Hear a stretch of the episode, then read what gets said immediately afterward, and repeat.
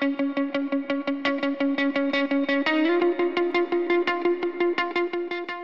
det kallt i vattnet idag? Du, det var... Eh, jag har ju köpt en badtermometer äntligen men jag glömde ta med den så jag vet inte. Men säg att det är kanske 13, något sånt. Ja. Och så var jag en helt lejvik och solen stråla och hundarna viftade på svansen och jag hade tvålen med mig. Och det var så jävla gött! Ja, mysigt. Och sen- Sen tänkte jag på dig för att då, det har vi pratat om förut, det här med att gå barfota. Så efter mitt bad så gick jag barfota på klipporna hemåt. Och jag älskar att gå barfota och känna liksom berget under fötterna sådär. Mm. Och då tänkte jag på dig och så tänkte jag att nu vet jag att Vickan inte gillar det här. Hon skulle inte gilla att göra detta. Nej. Mina fötter de vill ha så här mjuka sulor. Det ska vara som så här dun. Men det är väl för att de inte är vana också, tänker jag. Ja, så kan det vara. Ju, såklart. Och det tycker jag är en av de coola grejerna. Det var faktiskt det jag tänkte på också. Att med dig och mig. Att vi är så himla olika. Mm. Och ändå så liksom värnar vi om samma saker. Ja. Som min perfekta kropp till exempel. Det är faktiskt coolt. Och det kanske är det som är grejen också. Att vi är olika. Jag tror det och att vi, Som precis, för att vi får helt olika så ingångspunkter. Vi, vi pratar Mm. om samma grej men vi har helt olika vi lever ju till och med helt olika liksom. Ja, ja. Och helt perfekta båda två. Precis Ja. som alla andra. Ja. Precis. Ska vi dra igång? Ska vi dra igång dagens... Nu är det ju femte avsnittet då som, eh, som vi trodde att det var förra gången. Femte avsnittet av podden Min perfekta kropp med mästerfotografen Victoria Davidsson och mig då, Malin Lundskog. Eh, Mäster, ska du bara vara, och mig då? Mäster, mästerhälsoentreprenören Malin Lundskog skulle jag vilja säga. Ja men tack, det kan du få säga. Tack för det! Femte avsnittet, fjärde säsongen och jag tänker att den dagen när vi släpper det här, det här är ju några dagar tidigare då, men fredag när vi släpper podden så är det metoo-dagen. Och det är ju lite special, tycker jag. Mm. Och då har jag en fråga för det är jag som ska spana idag och jag skulle ju sist som det var ja, som det var jag som spanade så kom jag på för då började vi prata om matriarkat och patriarkat och då sa jag åh gud jag vill spana på matriarkat för att det känns ju, undrar hur det skulle funka. Ja. Om, om det finns något sånt och hur, hur, hur lever de där och hur är det samhället? Men vet du vad? Det finns inga sådär bevisade matriarkata samhällen. I alla fall inte som är, om man tänker motsvarigheten till det patriarkala samhället. Det finns samhällen där det är mammorna som, eller mödrarna, kvinnorna som bestämmer vem dottern och, eller vem barnen ska gifta sig med och sådär. Men hela samhället är inte uppbyggt efter kvinnorna och deras. De styr inte hela Aha. alltet. Så det finns inga helt matriarkala samhällen. Och det är ju också lite intressant i sig. Det är väldigt därför- intressant. Mm. Men jag har alltså inte spanat på det. Utan jag har, spaningen, den sp- matriarkatspaningen den är att det finns inga sådana Mm. samhällen. Inte helt och fullt ut i alla fall. Så jag la ner det då när jag upptäckte det, att det var så. Och då kom jag på det här med att fasen det är ju metoo-dagen på fredag. Dagen då vi släpper våran podd. Mm. Alltså den 15 oktober. Och den dagen har ju varit sedan 2018. Har den funnits. Som en följd av, det var ju 2017 som hennes eh, tweet blev så, vad heter hon nu då? Eh, Alyssa Milano tweetade och så var det hashtag metoo som Hashtaggen har funnits tidigare men det var väl hon som fick den att verkligen explodera över hela världen. Mm. Och då tänkte jag först så här, passar det här med metoo? För jag har, jag har, ju ens, jag har gjort lite spaningar inom metoo-sfären eller vad ska jag säga. Mm. Eh, men passar det i våran podd? För jag tänkte så här, den heter Min perfekta kropp. Så tänkte jag först att från början så när vi började prata om den här podden så var det mycket yta, att det var det vi vill bryta, de normerna som handlar om utseende och så. Och så tänkte jag ett steg till. Och då tänkte jag, men kan man hålla på med en podd som bara hanterar yta utan att komma ner på djupet? Alltså kan den podden verkligen växa, frodas, utvecklas? Kan vi utvecklas om vi bara håller på med yta? Och nu är inte yta så himla bara eftersom det påverkar oss så mycket men eh, Ja, så det är egentligen min fråga. Passar eh, metoo-spaning här i eh, våran podd? Frågar jag dig. Det tycker jag absolut. För jag tycker inte att vi bara har, har hållit på med yta utan det landar ju ändå alltid i vad som händer inuti en, i hjärnan och tankar och allt sånt där. Mm. Och, och, dessutom så vänder vi oss ju framför allt till kvinnor. Yes. Så det passar jättebra. Bra! Då har jag spanat på, på lite olika saker. Mm. Sen har jag ju hittat en triljon spaningar till så att jag bara känner nu får vi köra på. Vi har många veckor framöver här där jag har grymma spaningar. Men hur som helst. Jag började, jag har inte tittat klart på alla avsnitt men jag har tittat på serien på SVT som heter MeToo, hösten som förändrade Sverige. Mm. Har du sett den? Ja, eh, jag har inte tittat klart heller. Jag är på först, andra, första eller andra avsnittet. Ja, jag har kommit lite längre, men det är skitsamma för att jag, du vet första avsnittet framför, jag bara satt och grät. Uh. Alltså, och blev förbannad.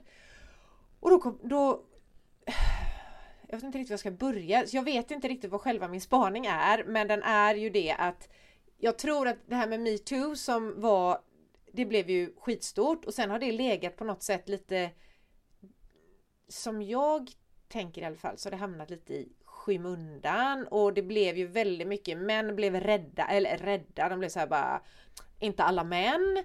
Och, nej det är klart inte alla män. Men eh, Alltså att det fick mig att få upp ögonen för strukturerna i samhället.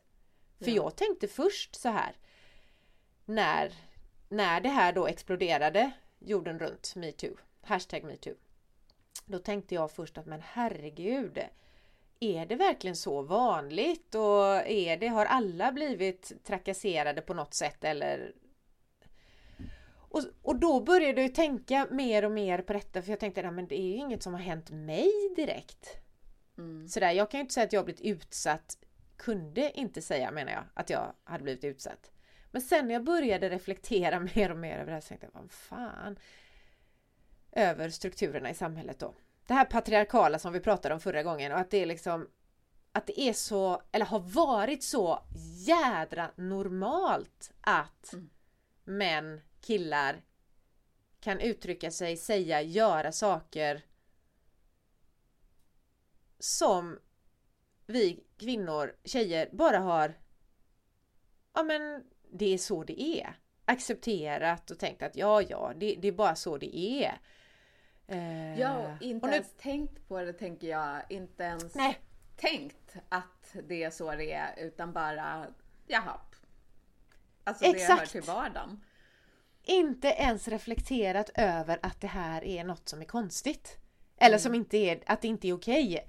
Så det var det som metoo gjorde för mig, att jag fick upp ögonen för liksom det här vad fan, att jag började tänka på vad konstigt det är. Och jag tänker också att även män då som kanske har uttryckt sig eller gjort, du vet, ja men sagt saker, gjort saker som inte är okej. Nu tänker jag inte på riktigt, du vet, våldtäkter och sånt, utan nu tänker jag på ord, man säger saker eller man har en attityd eller en jargong sådär. Mm. Eh, det fick mig att tänka till då. Och jag tror, om jag bara får säga en sak, att jag tror också att det var därför männen blev så rädda. För att mm. de, fatt, de bara, men shit, jag har ju gjort mm. det där. Utan att ens liksom, mm. de tänkte inte heller att det var något liksom. Nej. Precis, och då nu när jag tittade på det här första avsnittet. Då var det ju verkligen det här med att, för det var någon tjej som satt och sa det att det är många av mina kompisar när jag började prata om det här då med metoo som bara nej men det herregud det rör ju inte mig. Och sen några veckor senare hade de kommit tillbaka och sagt men herregud det mm. rör ju mig. Det rör ju alla. Alltså det finns väl ingen som inte har egentligen en historia, en metoo-berättelse. Tror jag. Om man tänker efter. Sen mm. kanske man inte behöver gräva för djupt heller. Jag vet inte om det heller är bra men det blir så uppenbart vad vi går runt och accepterar, vad normerna gör. Att, och det är ju det som våran podd går ut på det här med att bryta normer. Att fasen vad det blir normaliserat ett beteende, en viss jargong. Mm. Om vi inte någon, om inte någon då uppmärksammar att shit, det här är ju inte okej. Okay. Mm. Och sen tror jag att det finns många också som innan det blev så här stort som kanske har berättat om någon upplevelse och så har mm. andra tänkt, till och med mm. vänner, ja men mm. det där var väl inte så farligt. Nej. Du vet att inte ens när man försöker Nej. berätta så uppmärksammas det. Precis och det är väl därför många inte har berättat. För man mm. vet att det blir ändå bara undanskuffat liksom. Ja, ja, det är ju så det är. Mm. Och då var jag egentligen, det kanske är det här som är min spaning, jag vet inte, men vad jag tänker att metoo-dagen också har, eller metoo överhuvudtaget, inte just dagen, har gjort med oss. Eh, är väl att uppmärksamma det här att inte inte skambelägga den som berättar. Mm. Att det inte är skamligt att bli våldtagen. Det är inte skamligt att bli utsatt för sexuella trakasserier eller ofredanden eller tafsningar eller vad sjutton det kan vara. För, för där tänker jag att normerna är gör starka och har varit och jag kan ju höra bakåt i min liksom, ungdom att jag kan höra de vuxna säga ja, ja, men hon får väl skylla sig själv. Mm. Och jag har ju också sådana och det är klart som fasen att man inte berättar då. Om man ändå vet att jag får skylla mig själv för jag var kanske full, jag hade på mig en kort kjol, jag hade alltså jag var i ett område där man vet att det här finns det, här är det lätt att bli utsatt och så. Så mm. det, det, det, där, det var då jag kom på, men det här måste ju vara min spaning att det som jag hoppas och tror att metoo också bidrar med är just det att våga, vi vågar berätta. Mm. Och att det inte, att det finns många grader av sexuella trakasserier. Att det inte ja. bara handlar om fullbordade våldtäkter utan att det är de här små orden, en liten hand på fel ställe, alltså och att vi vågar prata om det och just att det är våra upplevelser som faktiskt, att, att de räknas. Mm. Att det inte är du borde skämmas och skylla dig själv. Ja, och jag tror framförallt det där att det måste inte vara fullbordad våldtäkt. Att det tror jag eh, metoo när det kom verkligen mm. fick då de, det förklarade det för den stora massan liksom att mm. Precis. Eh, så att våra kroppar, alltså alla våra perfekta kroppar, oavsett om vi är kvinnor eller män, eh, så är de ju våra. Mm. Och det vi känner, alltså som våra kroppar känner, det är ju våran rätt att känna. Kan det vara min spaning för idag, tror du? kan, vi, kan vi prata om det? ja, det kan vi. Det jag. det tycker jag absolut vi kan prata om. Det är en bra spaning och det är perfekt ju att vi släpper våran podd på fredag. Metoo-dagen. Exakt så! Ja. Det tycker jag också. Och en i ett av de här avsnitten då i den här dokumentären som jag tycker jädrar, se den! Mm. Allihopa. Eh, den är, jag tycker den är skitbra för den tar ju verkligen upp också det som tydligen var väldigt speciellt för Sverige. Att vi i, i metoo-rörelsen inte pekade ut, det var ju sen media som pekade ut och namngav män och sådär. Men att det var det som, det, det har jag fattat i där när man får följa till exempel skådespelare när de gjorde sitt då, du vet mm. tystnad, tagning. Det var ju många sådana fyndiga hashtags som en följd av det. Att de sa vi ska inte peka ut, vi ska inte ha några namn utan vi ska verkligen få detta till att det här är våra upplevelser. Det är inte Vi är inte här för att peka ut någon utan vi är här för att peka ut strukturer. Mm. Och inte personer. Och det tyckte jag var så Och det var tydligen väldigt speciellt för Sverige. Att det blev så. Och jag kan tänka mig att det var det som gjorde att så många, eller nu fick väl folk i hela världen, men jag tänker för hade det blivit mer fokus på en viss person eller så, en mm. förövare, mm. Då hade mm. man väl tänkt mest på det. Men nu fick ju budskapet liksom sjunka in ordentligt. Mm. Och jag tänker att det också är, eh, nu kanske jag kommer bort från ämnet lite igen då, men att det här, du vet som du och jag, kör, vi är eh, jag vet att du satt i ett avsnitt och sa feminist, ja, visst. Och att vi är det och på gräsrotsnivå. Ja. Att vi är så här ny, eller jag i alla fall, nyuppväckt aktivist. Så här mm. att det skulle ta 50 år innan jag fattade att, ja vad fan, så här kan vi inte ha det i samhället. Och det är det som jag tror att också metoo har varit att va vanliga då, nu gör jag citattecken här runt vanliga, men alla då, kvinnor mm. helt plötsligt blev aktivister egentligen. Ja. Och att det blev okej okay på något sätt. Ja, och jag, tänk, ja, jag tänker så här, gud vad sjukt att en hel värld har varit helt blinda så, under så lång tid. Det är därför det har kunnat ja. fått sånt fäste. Ja. Att eh, tafsa och allt möjligt skulle ja. vara liksom okej. Okay. Och att det är först Precis. nu som man... Då undrar man ju också, vad finns det mer som vi inte ens ser nu? Exakt, det finns ju säkert massa grejer som vi inte ser och som jag tror att det är därför också det är så viktigt att det att vi pratar om det vi tycker och tänker och känner. Mm. För att kunna se och att vi, ja återigen då Den här upprepelsepodden Min perfekta kropp Sakta ner, reflektera Vad är det egentligen jag tycker och tänker och känner om mm. det jag är med om under livet liksom. Jag tror att det är skitviktigt att vi vågar prata om saker som man egentligen inte pratar om då. Mm. För jag tänker på Får jag berätta en upplevelse från, från mig?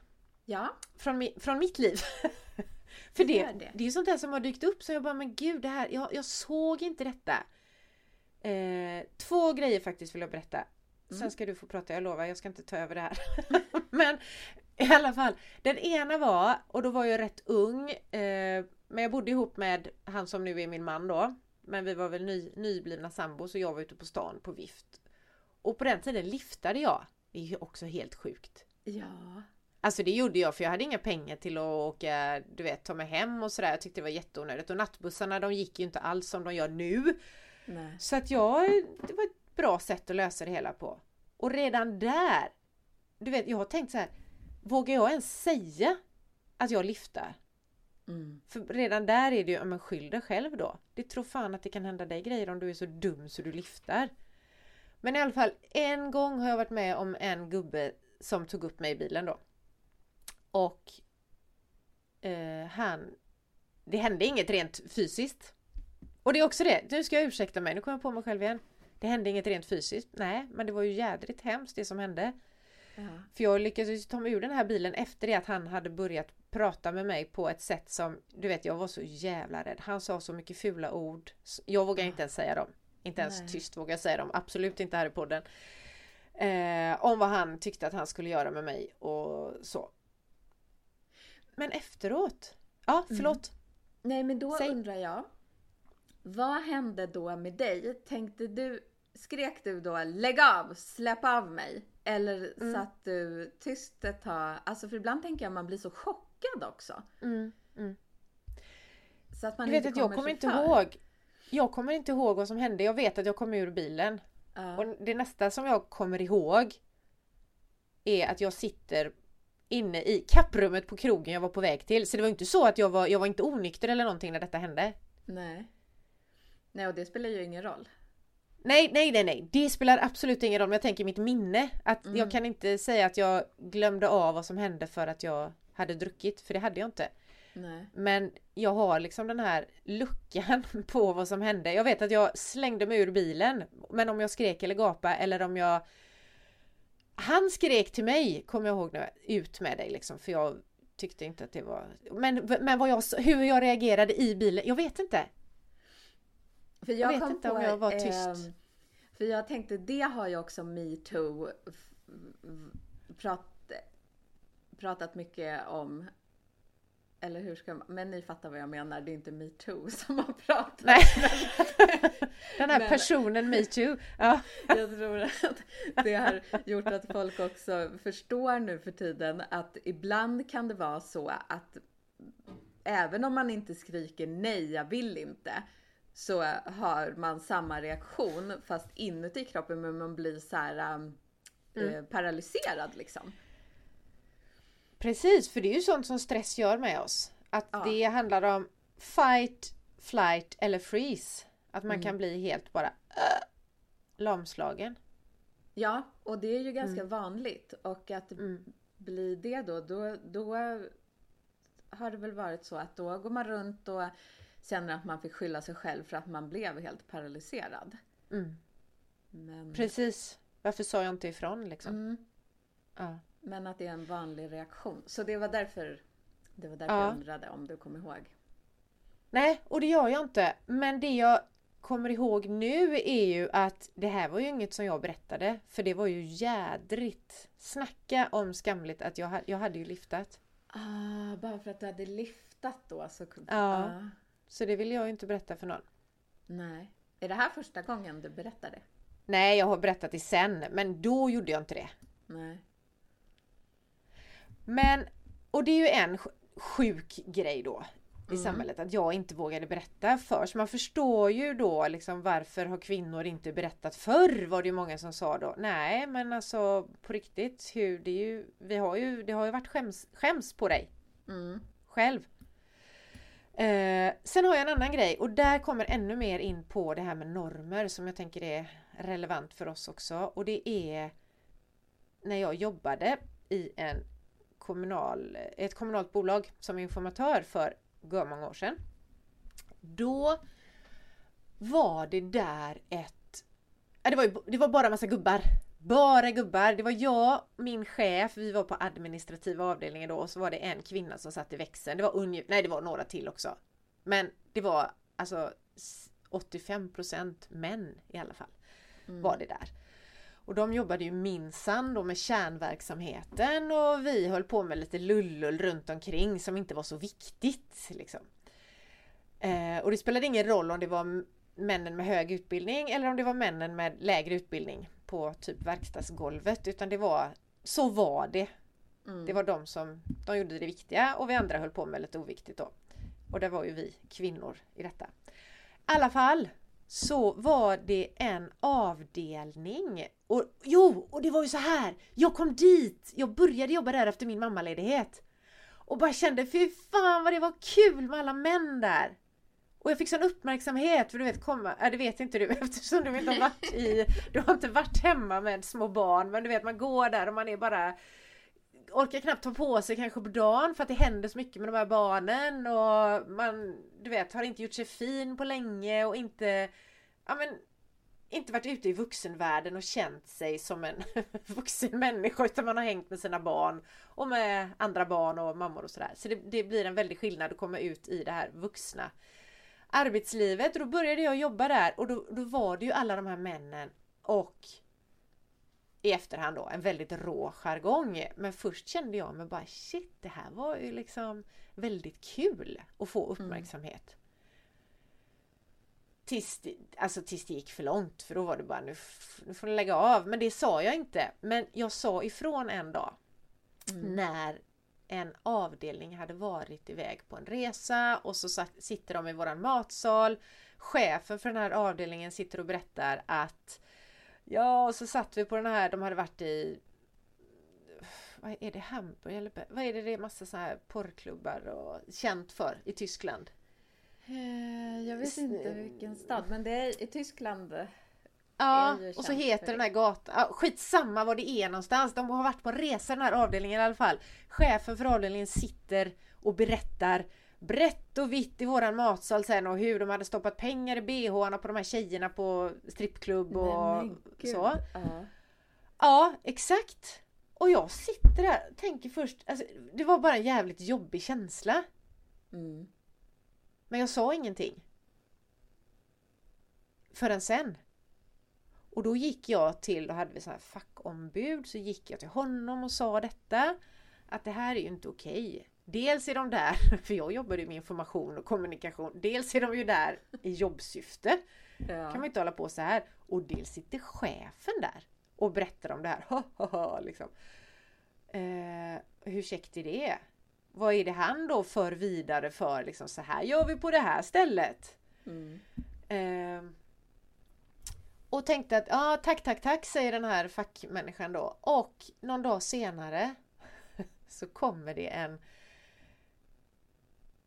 en kille jag kommer inte ihåg om det var en dag senare. Det här var så länge sedan nu så jag kommer inte exakt ihåg hur allt hände. Men i alla fall så kommer det en kille. Vi ska ha sommarfest. Det har varit väldigt roliga fester i alla fall på jobbet. Och då kommer det en kille och säger så här. Du jag vill bara att du ska veta Malin att kommer du på den här festen så är det ingen annan som kommer. Nej! Va? Det är sant! Alltså du Det är vet. inte klokt. Nej. Det är fan inte klokt. För varje gång jag berättar det här så känner jag att det är sjukare och sjukare. För att då, det här är ju också ett symptom på normerna. För vad som hände då, det var ju inte det att jag gick och sa till att hallå, så här kan ni väl inte göra? Eller vad jag nu skulle ha sagt, vad som hade varit lämpligt att säga där. Utan jag drog mig undan och sa ja, ja men då går väl inte jag då. Ja, men det är ju det som är så sjukt och ibland undrar jag så här med... Alltså, jag fattar inte hur det här går till för att det är ju det som händer. Och den här killen som kom och sa till dig, om du kommer, kommer ingen annan komma. Jag fattar ju att han tänkte ju att han inte ville att du skulle komma. Men förstår han vad det gör med dig liksom inom i, i framtiden också? Alltså det är ju verkligen att sätta munkavel på någon, att tysta någon. Ah. Ah. Det, och, eller finns det i människan? Att det bara, jag tänker så här, var det omedvetet eller medvetet? Jag förstår att det var medvetet att du inte skulle komma på den där festen. Men var han medveten om liksom vad det egentligen var han gjorde? Det tror jag inte, för vet du vad? Jag tror att han gjorde det för att vara rätt snäll mot mig. Ja, det är det som blir så konstigt. För jag tänkte att han, ja, han gjorde det för att vara snäll. Ja, För att förvarna liksom. ja. Bara så, så han gick inte in med någon attityd att vara elak, utan det var nog av godhet. Och då är ju det också sjukt. ja. Att han som skulle vara snäll, då kunde väl han sagt ifrån. Men det gjorde han ju inte. Nej. Och jag såg ju inte ifrån heller. Jädra mespropp liksom. Ja men gud alltså. Och det tänker jag, för det läser man ju så ofta om så unga tjejer som blir, jätteunga tjejer, nästan barn, Mm. som blir våldtagna, eller ja barn, som blir våldtagna. Och så säger de ju alltid, berätta inte det här för någon. Eller om du säger det här Ja. till din mamma slår jag ihjäl dig eller något. Ja, precis. Det funkar ju jättebra. Det är klart de inte vågar säga någonting då liksom. Klart de inte gör. För jag tänker om jag inte ens vågade säga det här som inte var, Mm. alltså. Och det, det sjuka är i detta. Alltså det här, du vet, ja nu blir jag, nu blir jag riktigt arg. Så bara. Här har jag gått genom åren och tyckt att jag att jag var jädra jobbig. Det, alltså jag skulle inte ha gjort det där, jag skulle väl ha låtit dem fortsätta då. Herregud, varför skulle jag lägga mig i? Men vet du, är det, jag tror att det är så det har varit för fler än bara dig. För jag tänker som Ah. Cissi Wallin, det är ju alltid de som säger ifrån som får det jävligt jobbigt själva. De är så här, jobb... vad är det folk brukar säga till Cissi Wallin? Det är ju att hon är inte krånglig. Det är ju något, fanken, nu kommer inte jag på det ordet, men hon, jag har läst jag följer henne på Instagram och då är Ja. det så här att folk ofta uttrycker att hon är typ eh, komplicerad eller krånglig, någonting sånt Ja, där. ja. Och jag tänker då får hon liksom bära det oket bara för att hon, hon hjälper ju hur många kvinnor som helst. Men så är det några som tycker så här, gud vad jobbig hon att vara. Bara för att hon rör om i grytan. För det är klart, på ett sätt är det ju, om du inte hade sagt till, då hade du fått gå på den där festen och allt hade varit frid och fröjd. ingen hade varit där. Ja. Och, och allt hade varit frid och fröjd förutom att de hade fortsatt att åka till Tyskland och stoppa pengar i prostituerades bhar. Ja. Så det är Ja. alltid att man ska vara att den som den som blåser i visselpipan, den får all skit liksom. Fast den är ju egentligen den som Precis. hjälpte till. ja. Att uppmärksamma något som inte är som det ska liksom. Mm. Ja. Men det blir väldigt obekvämt för alla de här andra som höll på med allt det där som inte var okej. För dem, och jag tänker också obekvämt för alla de som kanske inte håller på med det som inte är okej. Men som inte gör något åt det. Utan som låter det ske.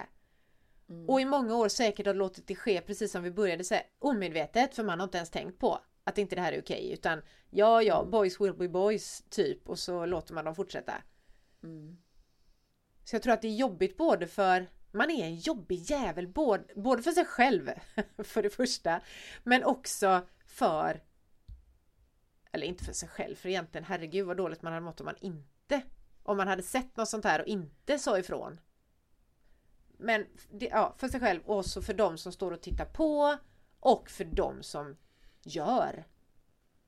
Mm. Man är en jobbig jävel. Men det, det är ju de som behövs. Det är ju det vi har sagt förut. Att det behövs ju de här jobbiga typerna som, som du sa nu, rör om i grytan, som får oss att uppmärksamma när något inte är okej. Mm. Vi har ju till och med haft som ett tips att man ska umgås med några jobbiga personer så att man lär sig lite nytt och ser på världen med nya ögon. Precis! Mm. Det är skitbra. Så allt det här eh, utifrån att jag faktiskt började se och har kommit halvvägs in kanske då i tv-serien metoo, hösten som förändrade Sverige.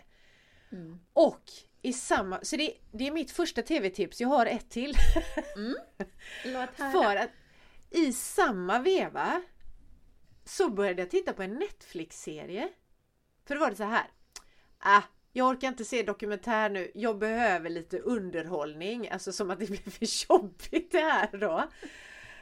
Det är lätt att ta sig ur det. Så då började jag titta på en serie som heter Made.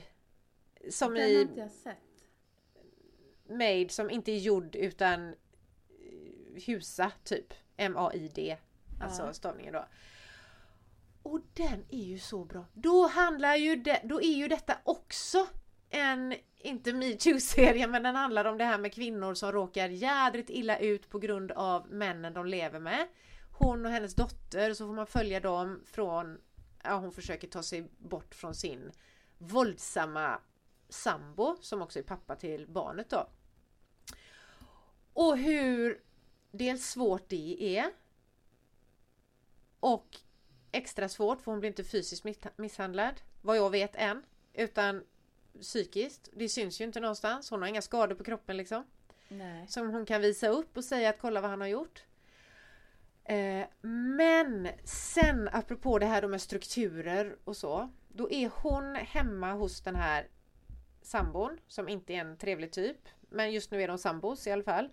Dottern är där, morfan är där, alltså den här tjejens pappa. Mm. Och hon känner, hon vill inte sitta ner och äta med dem för hon vet att morfar kanske inte alltid har varit en schysst typ mot, mot mamman. Hennes pappa har inte varit snäll mot mamman. Hennes sambo är inte snäll mot henne. Hon säger jag vill inte sitta ner och äta, jag är inte hungrig. Då kommer pojkvännen och bara nu sätter du dig ner och äter och du vet håll käften och sätt dig ner och det här är ouppfostrat och där, där, där, där, där. Och pappan sitter bara och tittar på. Ja. Det blir nästan så här, det värsta är inte allt elakt pojkvän gör utan det värsta kände jag just då var Han gjorde inte ett skit åt det. Det är ändå hans dotter som står där och får ta detta. Ja, men och, och jag tänker så här, för direkt så tänker jag på, och det är det du pratade om innan också, men att inte säga ifrån. Det tänker jag på ett sätt är ju samma sak som att tillåta det. Och det tror inte jag Ja. man tänker på när man inte säger ifrån. Då tänker man bara att nej men jag orkar inte ta fighten typ. Precis. Men att inte säga ifrån när man ser att dåliga saker händer, det är ju att Ja. göra, då gör man det ju möjligt att den där dåliga saken får fortsätta hända. Ja. Herregud, nu är du sådär klok igen. Så jädra bra sagt och så klokt tänkt. Eh, precis så är det ju. Ja. Att faktiskt inte bara vara en sån som står bredvid och tittar på. För att det är samma sak som att säga att det är okej att fortsätta. ja. Ja. Så att samhället, vi, vi, i samhället behöver vi både de här som rör runt i grytan som är så här jobbiga typer som Cissi Wallin då. ja. Och sen behöver vi också titta på henne. För det är klart att alla har ju inte modet eller kraften att säga ifrån. Alltså liksom säga, göra som Cissi Wallin gör då till exempel. Nej. Men de som står och är tysta. Jag tänker i alla fall att man ska vara medveten om att det är också en grej. Det är inte att, att vara tyst, det är inte att man inte skulle ha någon skuld i det hela. Nej. Om man står tyst bredvid och kollar på när någon gör ett bankrån, Ja exakt. då är man väl typ lite del, då är man ju en skumraskens filur. Tänker jag. Om man inte ringer polisen. Och Nej, detsamma gäller ju sådana här saker. Fast här handlar det kanske mer om känslor liksom. Och, Ja. mm, Men man förstår ju ifall någon blir verbalt misshandlad. Då förstår Ja. man ju att det här är inte okej. Och då tycker jag man ska säga ifrån. Ja, det tycker jag. För, och jag tänker, känner man att någonting skaver, för, för nu, nu blir vi ju mer och mer uppmärksamma på de här strukturerna i, överallt liksom. Mm. På alla plan. Och även om man förut har stått och sett på utan att kanske fatta att det är något som är fel, men, men kanske känt ändå att det är någon, det känns inte riktigt bra. Mm. Då, det är nu det är dags. Mm. Att stå upp för sina medmänniskor. Ja, det är det. Och sig själv blir ju det också i längden. Vad är okej liksom för mig? Vem är Ja. jag? I det här. Ja, eh, så var det med det, med den spaningen.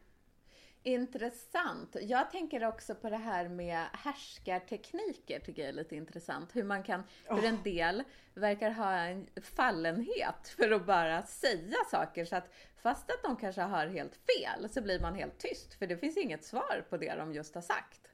Nej. Det bara går ut på att de hade rätt och bestämmer. Och typ. Jag tänker att det är samma sak fast för metoo har ju varit väldigt mycket så här um, handlingar som man, någon kanske har tafsat eller så. Men det är ju också såklart vad folk säger. Och eh, Ja. då tänker jag att ofta det är ju alltså ofta det som jag själv har varit med om och så, det är ju mer att det är ingen som har stått och skrikit könsord eller liksom sagt så, utan det är lite mer inlindade grejer. Så att ibland kan det ju ta ett tag innan man fattar. Man får ju bara en så här dålig känsla i magen. Och så tänker man, men vad sa han egentligen? Och sen går man hem och då kommer man på, men gud, det, så där kan man väl inte gå runt och säga. Nej. Att det liksom tar ett tag. Ja, som du sa nu också, att du kommit på nu först vissa grejer du har varit med om. Ja, visst. Och för att man ska vakna i tid, eller vi ska säga då, reagera direkt och fatta att det är okej att jag känner något som inte är, det är ingen skön känsla det här och det är okej. Mm. Då behöver vi riva runt lite. Vi behöver uppmärksamma vad är det för jädra strukturer och normer som råder. Ja. Och lära oss att våga säga ifrån.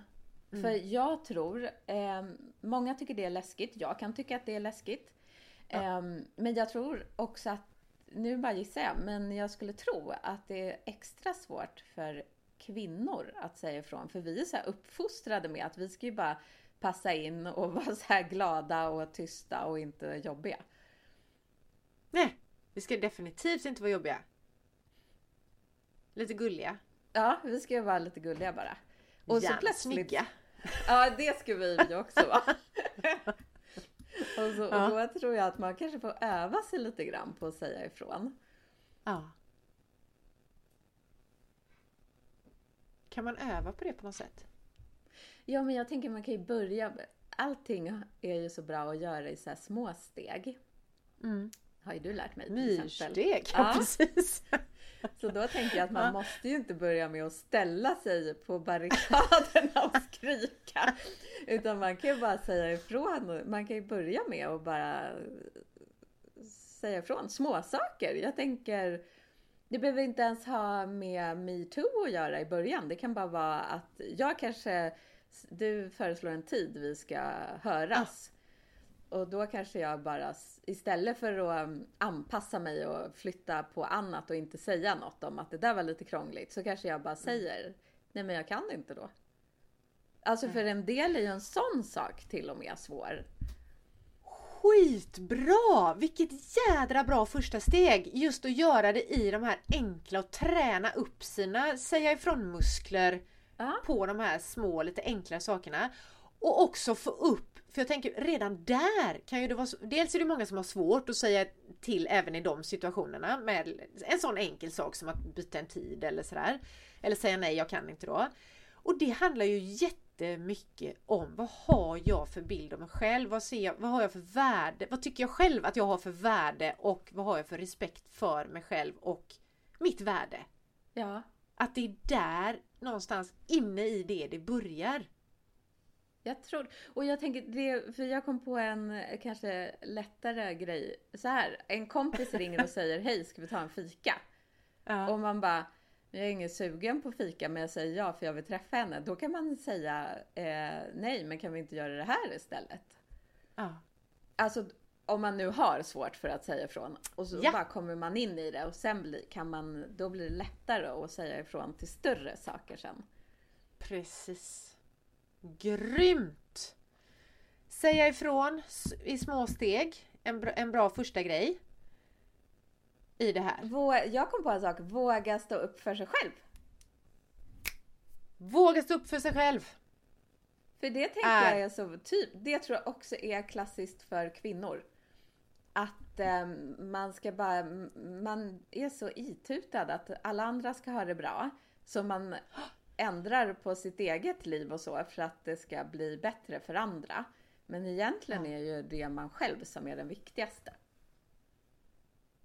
Ja, precis så.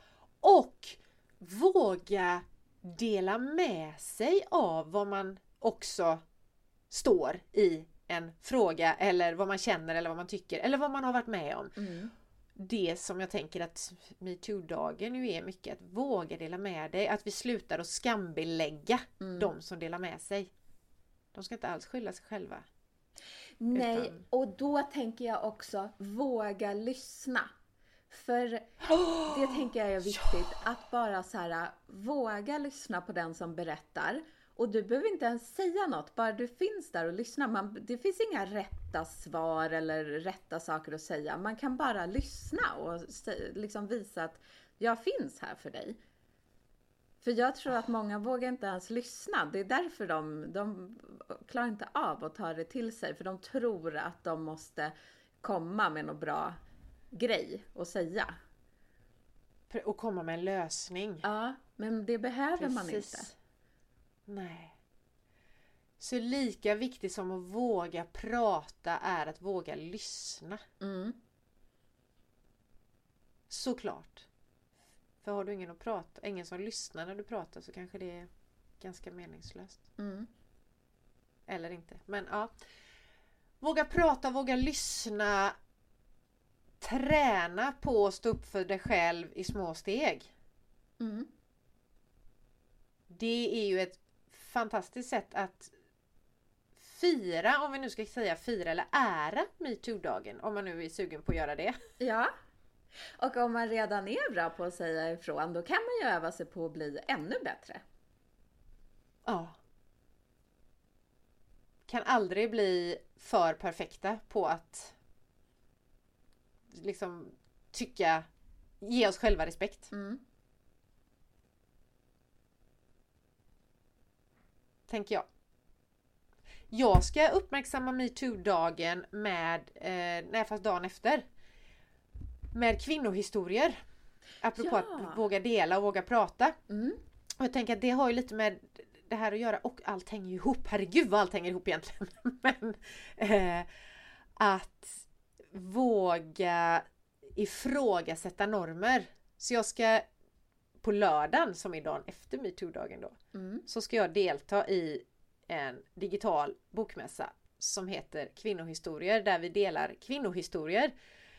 Eh, och där jag ska ha en del som handlar om att eh, våga ifrågasätta normer, att göra en som vi har gjort här i podden, en judgment detox. Ja.